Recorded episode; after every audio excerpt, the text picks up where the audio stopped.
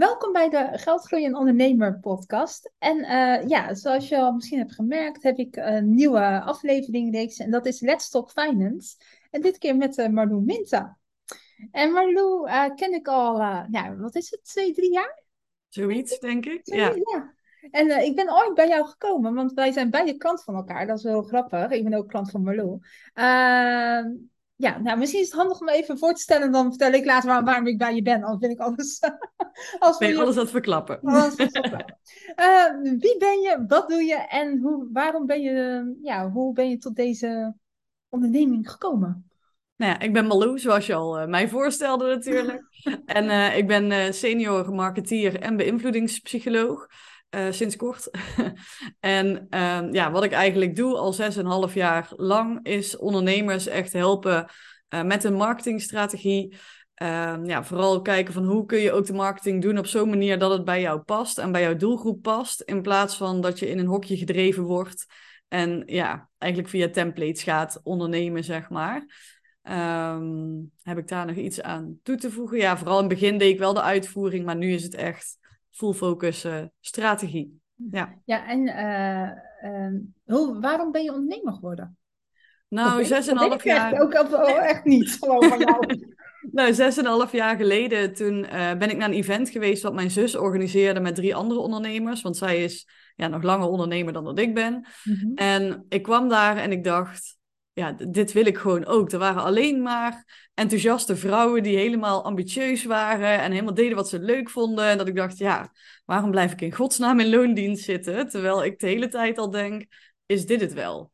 Dus ja, eigenlijk was het toen februari. En ik geloof de week daarna heb ik tegen mijn baas gezegd, joh, ik uh, stop per september. Dan wil ik half, uh, part-time, halftime, willen werken.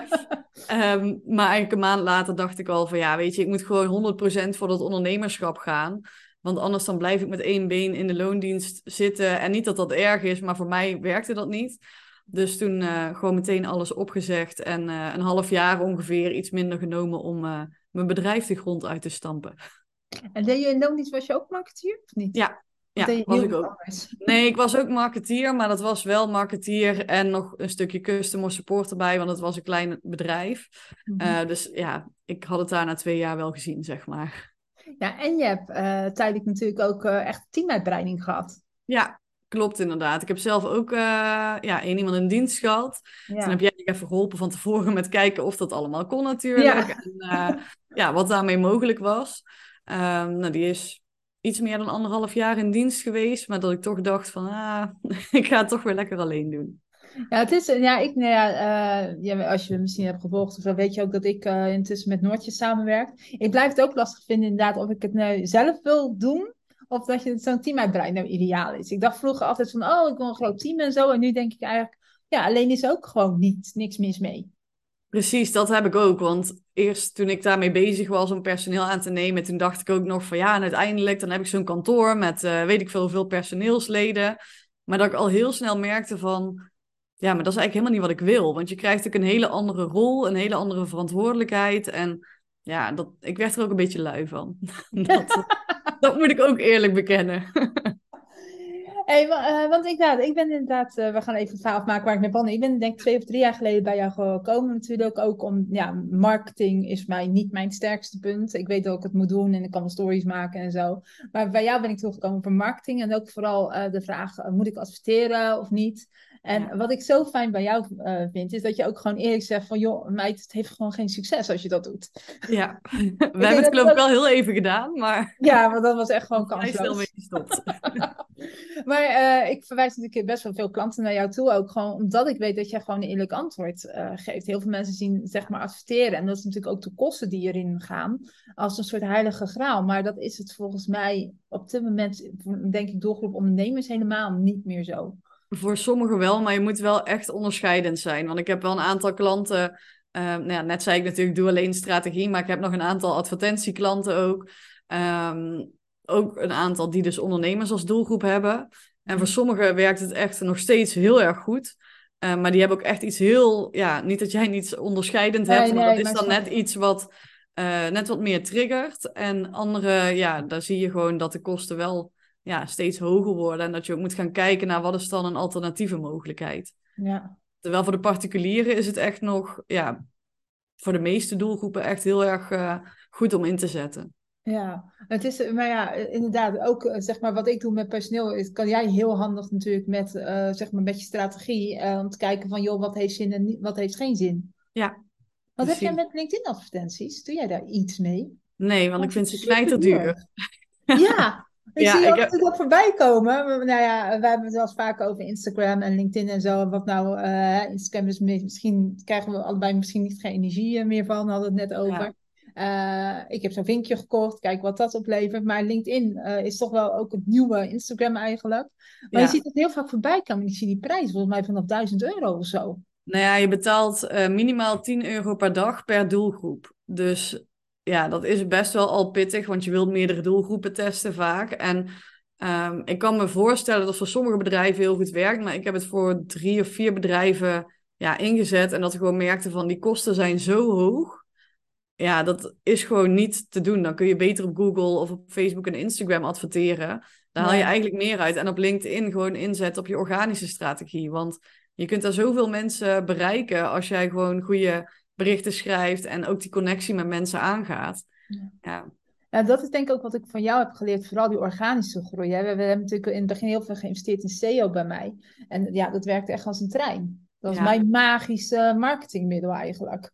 Precies, ja, je moet eigenlijk iets zoeken wat ook gewoon duurzaam is. En met adverteren ben je natuurlijk ook heel afhankelijk van ja, de platformen. Ja, dus met alles eigenlijk wel qua marketing. Maar Um, bijvoorbeeld met die privacywetgeving en weet ik veel wat allemaal, wordt het steeds lastiger. Terwijl SEO blijft op sommige aanpassingen en ontwikkelingen naar wel redelijk hetzelfde. En hetzelfde geldt voor een LinkedIn organisch. Ja, het is allemaal net wat duurzamer, dat, uh, dat vooral. Hey, en je hebt een nieuwe, nieuw vakgebied ontwikkeld. Jazeker. Mag me officieel beïnvloedingspsycholoog noemen, ja. ik moest wel lachen. Ik had inderdaad een stories had ik gedaan, iets met rood. En jij gelijk, niet rood. ja. ja, je had je aanbod inderdaad uh, in het rood gezet. Ik dacht, nee, niet doen, niet doen. Niet doen, niet doen. hey, misschien dat heel simpel. psychologie?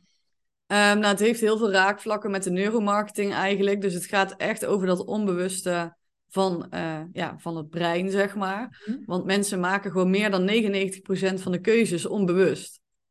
En ja, dat is bizar als je dat weet en als je daarop kan gaan inspelen.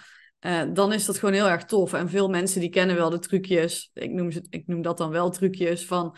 Um, uh, dat je zegt van nou, je hebt een week om je aan te melden en daarna gaat de prijs omhoog. Dat is ook een van die beïnvloedingstechnieken natuurlijk. Maar het gaat veel verder dan dat. Dus het gaat ook wat voor taal gebruik je, wat voor taal gebruikt jouw klant. Je gaat veel beter luisteren naar wat iemand zegt, welke woorden dat iemand gebruikt. En daaruit kun je zoveel informatie halen voor bijvoorbeeld je sales page of voor je e-mail marketing of voor je social post, zeg maar. Uh, ja, en ik denk ook een heel bekend voorbeeld, en dat is niks met ondernemers, bijvoorbeeld een appeltaartgeur in je huis als je huis wil verkopen of zo. Ja. Dat soort dingetjes natuurlijk ook. Precies, dat helpt heel erg. Of uh, nou ja, als je een supermarkt hebt, dan kun je Franse muziek draaien en dan gaan mensen automatisch en onbewust meer Franse producten kopen. Ja, nou, bij mij zit een bakje in Dordrecht en die uh, zit zich heel erg te verkondigen als Franse bakkerij. Hè. Ze kopen stokbrood mm. en gewoon heerlijk brood. Maar het werkt als een trein. Een dagje vakantie in Dordrecht en dan ga je bij hun langs. Precies, ja, maar dat werkt gewoon super, ja, echt super goed. En ja. dat is met geur en met, uh, met geluid. Het werkt allemaal heel fijn. En als online ondernemer wordt dat wel lastiger om natuurlijk geur door je beeldscherm uh, te gooien. Je weet over vijf jaar. precies, misschien komt het ooit nog, maar ja, het is gewoon al met taal en met kleuren, daar kun je al heel veel mee. Maar ook ja, met je weggeven, hoe ga je hem inzetten? Uh, is jouw doelgroep meer op audio gericht of visueel of meer op tekst? Ja, daar kun je allemaal al gaan onderzoeken en daarop inspelen. Super interessant natuurlijk. Ja, zeker. Want uh, wat is nu je huidige verdienmodellen? Nou, mijn huidige verdienmodellen, dat is eigenlijk uh, nou ja, vooral op projectbasis. Nou ja, het zijn strategieplannen bijvoorbeeld of strategische trajecten. Um, nou, ik heb laatst een workshop even random de lucht ingegooid over denkstijlen, dus met dat stukje beïnvloedingspsychologie. Dus dat wil ik ook wel vaker gaan doen. Um, en ja, we hebben in oktober hebben we dan nog een live dag uh, samen met Manouk, degene die ook beïnvloedingspsycholoog is. Ja. ook over je sales page, neuromarketing proof maken, zeg maar. dus het is vooral of ja, een workshop gewoon online, of live dagen, of je gaat gewoon een traject met mij aan. Ja, en dat traject bevat in ieder geval een strategieplan, toch? Ja, dat bevat sowieso een strategieplan. Of uh, wat ik ook heb gemerkt, is dat sommige klanten die willen geen strategieplan. Maar die willen gewoon bijvoorbeeld een dag samen zitten om die strategie even uit te tekenen. Maar dat hoeft dan minder ja, als een plan vorm te krijgen, als in een Word-document. maar, maar, meer dat ze gewoon de lijnen weten. En dat is vooral met uh, wat meer ervaren ondernemers al. Die weten wel wat een funnel is en die weten wel Ehm, ja, dat je wellicht moet adverteren. Dus dan gaan we veel meer ja, samen zeg maar, alles uittekenen. Ja, is ook veel leuker natuurlijk. Ja, zeker. Ook uh, voor jou. Hey, en ehm, heb jij uh, in jouw ondernemersreis, je zegt ik ben eigenlijk 6,5 jaar bijna ondernemer. Heb je daar ooit wel eens financiële struggles uh, in gehad in je ondernemersreis? Vooral dat mijn buffers te groot werden. dat is echt een luxe struggle.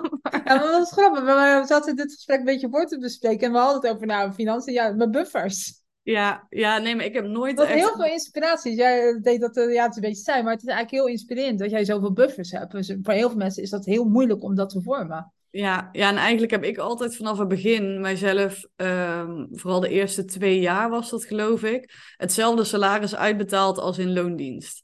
En ik zat binnen drie maanden vol, dus ik had natuurlijk veel meer eigenlijk wat er binnenkwam dan wat ik in loondienst verdiende. Ja. Um, maar dat ja, heb ik allemaal dus eigenlijk opgespaard steeds, omdat er best wel een groot verschil in zat. Dus op een gegeven moment was het wel van ja, uh, leuk allemaal die bedragen op je rekening, maar dat is ook niet altijd even handig natuurlijk. Um, ja, dus dat was eigenlijk wel een uitdaging van hoe kom ik ook weer van die buffers af, grotendeels. dus ik wilde nog wel altijd buffer hebben, maar um, wel dat je ook gaat leren, en dat, ja, daar heb ik jou voor natuurlijk, van hoe kun je het ook weer op zo'n manier investeren en op zo'n manier gebruiken dat het ook voor je gaat werken, in plaats van dat het op die rekening staat en ja. dat je daarna kan kijken en holla die kan roepen. Dat... en, uh, maar nou ja, wat ik zei, van, heel veel mensen hebben echt wel moeite met een buffer. Ik heb ook een grote buffer staan. Uh, wat levert het jou op als je zo'n buffer hebt? Want het lijkt nu net of het heel veel onrust oplevert, maar volgens mij is dat ook een soort luxe een onrust. Ja, het, het, is een luxe onrust inderdaad. Want ik heb nu een buffer voor, ik had hem nog even uitgerekend voor ons gesprek, maar uh, van 6,5 maand. Uh, en voor mij levert het echt die financiële rust op eigenlijk. Dus ik weet gewoon, als er nu een paar klanten weggaan, uh, ja, dan zal dat zo zijn. Sowieso ben ik dan niet bang dat er geen nieuwe klanten komen. Maar mocht het zo zijn dat de hele economie instort en al mijn klanten wegrennen. dan kan Iedereen ik failliet is en er niks meer is.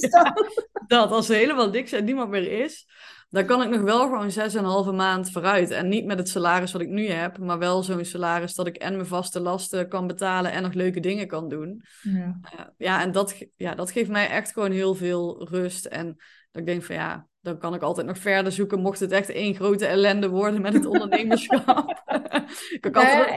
ik, heb hetzelfde. nee, ik heb dan twee jaar buffer staan. Ik, ja. uh, maar ook met het minimale wat ik nodig heb. Hè. Dus inderdaad mijn vaste lasten en uh, ja, misschien naar de bioscoop of zo, maar niet die dure reizen die ik nu allemaal doe. Ja. Uh, maar ik sprak met een vriend vorige week, die zei ook, ja, je bent veel rustiger geworden. In de eerste paar jaar was ik echt van, nou, ik loop iedereen weg en ik moet dit en dit en zo. En nu dat ik die ja. twee jaar heb, dan ben ik ook veel creatiever bezig. Precies. enorm veel rust. Ja, je krijgt gewoon meer speelruimte, ook in het ondernemerschap. Je hebt ook gewoon, uh, en dan moet ik hem af en toe nog voelen, en daar heb ik jou dan ook weer voor om mij af en toe die schop te geven. Maar uh, om ook af en toe los te laten van, oké, okay, uh, ik mag een maand gewoon even wat minder omzet hebben. Want die buffers, die staan er toch en die staan er niet voor niks. Dus je mag ook gewoon wat meer spelen in je bedrijf, met je aanbod. En ja, je hoeft ook niet na te denken van, wil ik daarin investeren? Ja, dat is echt een luxe probleem. Ja, en ook uh, wat het mij ook oplevert, is dat ik ook gewoon soms nee zeg tegen uh, ja. potentiële nieuwe klant. Waar ik denk van, joh, ik zie het, uh, ja, ik, zie het, ik voel geen klik of wat dan ook, maar dat je niet overal ja op hoeft te zeggen. Precies, ja, dat heb ik ook heel erg gemerkt. Dan in die eerste nou ja, maanden van het ondernemerschap. Ik zat binnen drie maanden vol. Maar dat was echt met klanten dat ik dacht, ja, in november, december kwam dat besef dat ik dacht, ja, maar zijn dit nu de mensen met wie ik wil werken? Want het ja, waren sommige bedrijven die pasten gewoon niet qua wat zij aanboden. En dat vind ik wel belangrijk, dat ik ook ja, affiniteit heb zeg maar, met wat iemand verkoopt. Uh, maar ook sommige mensen die persoonlijk niet pasten. Ja. En toen heb ik in december, want ik had toen ook een buffer al gebouwd. Ook vanuit Queen loondienst. buffer ben jij gewoon. Ja, de bufferbouwer. De bufferbouwer. Niet de bouwer, maar de bufferbouwer ben jij. Nee, want toen heb ik in december al meteen en, ja, van iets van zes of zeven klanten afscheid genomen. Dat ik dacht, ja, het komt wel weer goed. Ik heb een buffer. En ik geloof twee maanden later zat ik weer vol. Maar wel met mensen die ik wel leuk vond. En die wel een aanbod hadden wat bij mij paste. Ja, ik moet zeggen, ik vind wel wat je zegt van ook de angst, eh, die onzekerheid van ondernemen. Stel dat iedereen wegloopt en zo. Eh, ik denk wel, eh, en jij moet ik ook van, het, het, zo gaat het niet. Er gaan altijd weer mensen weg, er komen altijd weer mensen bij. Het is een soort organisch iets. Ja, ja, maar dat is echt. En dat ook, natuurlijk eh, ineens eh, de recessie toeslaat, niemand meer geld hebt. En ja, weet je, dat zijn allemaal onvoorziene omstandigheden. Maar in principe loopt het gewoon uh, organisch niveau. Ja, ja, maar dat is het. En kijk, marketing is daarin super belangrijk. Maar ik merk ook gewoon, ja, mond-tot-mond reclame werkt wat dat betreft ook gewoon echt als goud. Want ja, jij verwijst ook als mensen door. Ja, dan weet ik al, als het past, bijna zeker dat ze klant worden. Ja, ja, dus dat, is bij gewoon heel fijn. Ja, ik krijg ook heel veel. Ik had toevallig vanochtend is weer iemand klant geworden. Ja, ook via via. Ja, dat is goud. Mensen komen al zelf. eh, oh ja, wat doe je en eh, wat eh, kan ik kennis met? Ja, dan weet je bijna zeker dat van 90% mensen binnen zijn. Precies. Dat is echt. ja, en dat is denk ik ook wel, wel grappig met marketingstrategieën. Zo. Je kan nog zoveel geld in funnels of advertenties, maar mond-to-mond reclame is het beste wat je kan hebben. Ja, ja, zeker. En daarin kun je ook alweer met de marketing daarop inspelen natuurlijk. Dat Ja. je dat meer krijgt en ehm, ook ja, dat je het gaat verzamelen, maar ook dat het naar buiten komt, zeg maar. Dus ja, die social proof is natuurlijk ook een van die technieken. Dat, dat blijft gewoon super belangrijk. En mensen kopen eh, om jou meestal. Ja. Omdat ze jou leuk vinden of dat die klikker is. Ik bedoel, eh, net zoals bij mij als bij jou zijn eh, duizenden die het zelf doen. Alleen mensen kiezen jou omdat ze jou leuk vinden. Precies. Ja, en dat is Ik ook weer dat kwaliteit van je stukje. werk goed is. Ja, je werk moet wel goed zijn. Je kunt een leuke klik met iemand hebben, maar als het dan ja, niet echt van waarde is, dan schiet het ook niet op. Nee. Maar dat is wel gewoon heel belangrijk. En ook dat is weer bij dat stukje beïnvloedingspsychologie ook van... Ja, welke taal gebruik jij? Welke taal gebruikt je klant? Wil je daar ja, wat in inschikken? Of kijken van hoe kan ik meer aansluiting vinden? Maar ook al het hele stomme voorbeeld. eh, dat hoorde ik laatst iemand zeggen. Die zei, ja, ik heb een, eh, een moestuin. En daar ben ik wat gaan delen, over gaan delen op social media. En toen kreeg ik opeens allemaal mensen die klant werden... die ook eh, een moestuin hadden of daar interesse in hadden. Maar dat is wel hoe het werkt. Dus jij laat zien wie jij bent. Ja. Da- daar gaan men- mensen ook van op aan. Ik moet, ja, ik denk, ik moet gewoon mijn angst voor spinnen veel meer duidelijker maken. Ja, dan krijg je allemaal mensen die bang zijn voor spinnen. Neem bijvoorbeeld bij jou met reizen. Ja, Dan heb je natuurlijk wel al snelle ondernemers die misschien ook denken van... wow, ja, maar dat wil ik ook. Ja. En hoe ja jij ik dat moet zeggen, de ja. kerst slaat wat minder aan. Ja, Kerst, kerst. ja, ik ben ook niet zo'n kerstfan. Maar reizen dan weer wel. Ik heb nog nooit iemand gehad die zei van die reis wel, maar niet dat ze. Oh ja, ik, ik voel ook die, eh, ik voel ook die obsessie. Nee, met reizen is natuurlijk wel belangrijker voor jou. Ja, Hey, en eh, nu zeg maar qua buffers, hè, eh, eh, doe jij financiële doelen stellen? Want je hebt natuurlijk, buffer is geen doel meer bij jou. Nee. Of wel in stand houden natuurlijk, denk ik. ja zeker. Maar stel jij financiële doelen?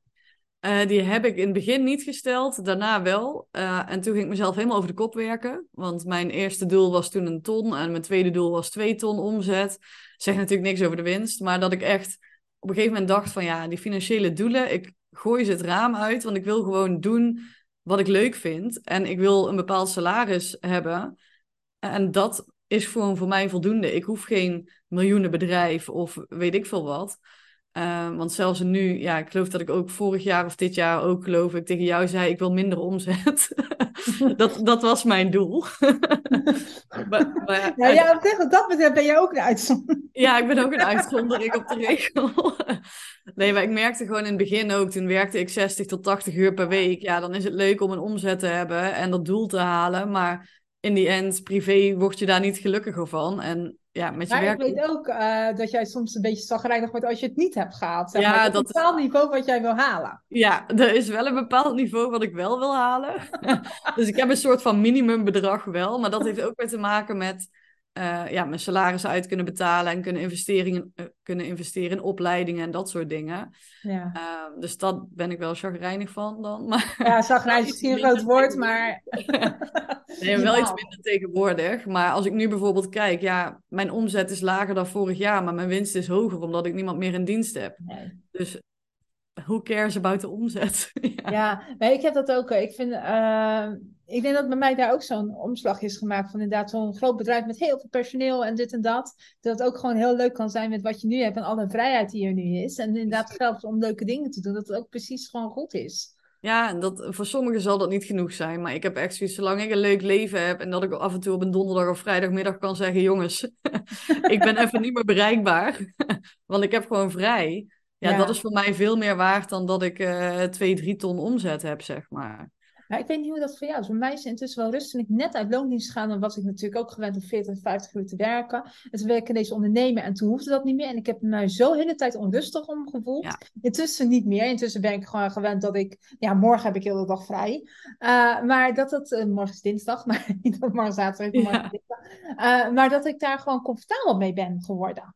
Dat het oké is, dat je heel je eigen ritme. Maar dat heeft voor mij echt wel twee jaar of zo geduurd. Ja, dat heeft voor mij ook wel even geduurd. Dat, uh, ja, vooral in het begin, ik had altijd het idee van je moet gewoon van 9 tot 5 werken. Ja, dat deed ik sowieso wel niet. Ik, ben, ik sta altijd vroeg op. Kijk, daar vond ik, vonden jij en ik elkaar ook ja, in. Wij dus zijn van de Vroege Vogelclub. Precies.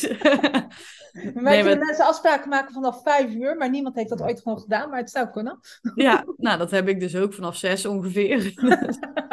Maar ja, dat is gewoon uh, die vrijheid, daar moet je even mee omleren gaan of zo. En mogen accepteren van, ja, ik, ik hoef niet die 40 uur te werken. Want minder is ook oké. En soms dan heb ik ook weken dat ik nog steeds meer werk. Maar dan is het vaak ook gewoon vanuit passie. Dat ik denk van, oh ja, nog even content voor mezelf schrijven. Of nog even dit doen of dat doen.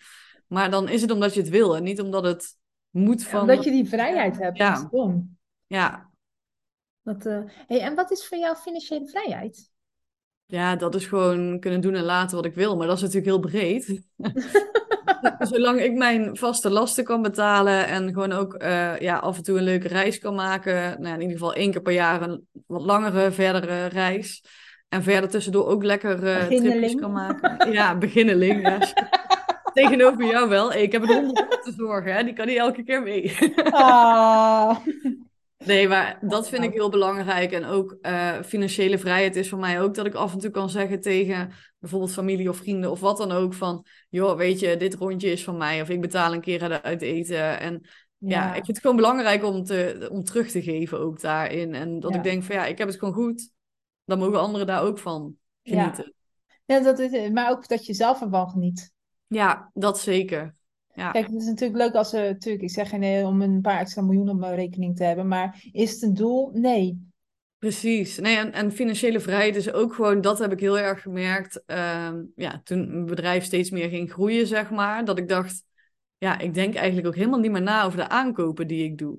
Dus als ik denk van oké, ik wil bijvoorbeeld inderdaad een opleiding doen. Of ja, even materialistisch gezegd, ik wil een robot stofzuigen. Want dan hoef ik niet elke dag zelf die hondenharen op te stofzuigen. Mout dan... eet dat ding op joh. Ja, nou dat valt mee. Ze rent ervoor weg. Maar ja, als je daar niet meer over na hoeft te denken, dat is voor mij wel financiële vrijheid. Gewoon niet die zorgen hebben van kan ik dit wel betalen. Ja, dat je niet bij de Albert Heijn staat of bij de Dirk dat je denkt van oh, Precies, als ik een borrelplank wil, dan ga ik niet kijken van, oh ja, maar dit, dit wordt wel een heel duur kaasje en dan pak ik dat andere kaasje maar wat minder lekker is. Ja. Dat, uh, ja. Nee, dat, uh... hey, en heb jij nog een, uh, een marketingtip voor een luisteraar? Waar je denkt van, oh, oh. Een, een, marketingtip, dat is heel breed, hè? Ja, ja ik ga hem breed, zodat jij hem gewoon in alle mogelijke manieren kan beïnvloeden. Ja, nou, ik was even aan het denken. Ja, dat kan op heel veel vlakken natuurlijk. Poeh. Voor de online ondernemer, laten we ja, daar... Voor de online ondernemer. Um, ja, eigenlijk wat we aan het begin al zeiden, van ga ook voor die duurzame groei. Want wat ik zie is dat heel veel online ondernemers, die denken, nou ik stop uh, duizend euro's in adverteren. Uh, nou, ik ga die funnel helemaal uh, ja, mooi maken en dat mensen gaan kopen. Maar daar moet je continu geld in blijven stoppen. En eigenlijk als je het duurzaam aanpakt en ervoor zorgt dat ja, die vindbaarheid goed is. Um, nou ja, dat ja, die SEO dus goed staat. Dat jouw website goed is ingericht, ook op conversies, zeg maar. Dus dat mensen echt gaan kopen of een gesprek inplannen. En dat je ook gaat kijken van hoe kan ik nu mijn content nou ja, breder inzetten. Dat doen we natuurlijk ook voor jou. Maar dat je ja, eigenlijk gewoon... Ik noem, ik noem dat altijd confetti content eh, kanon. Ja, zo, zo, staat hij ook in Dropbox geloof ik inderdaad.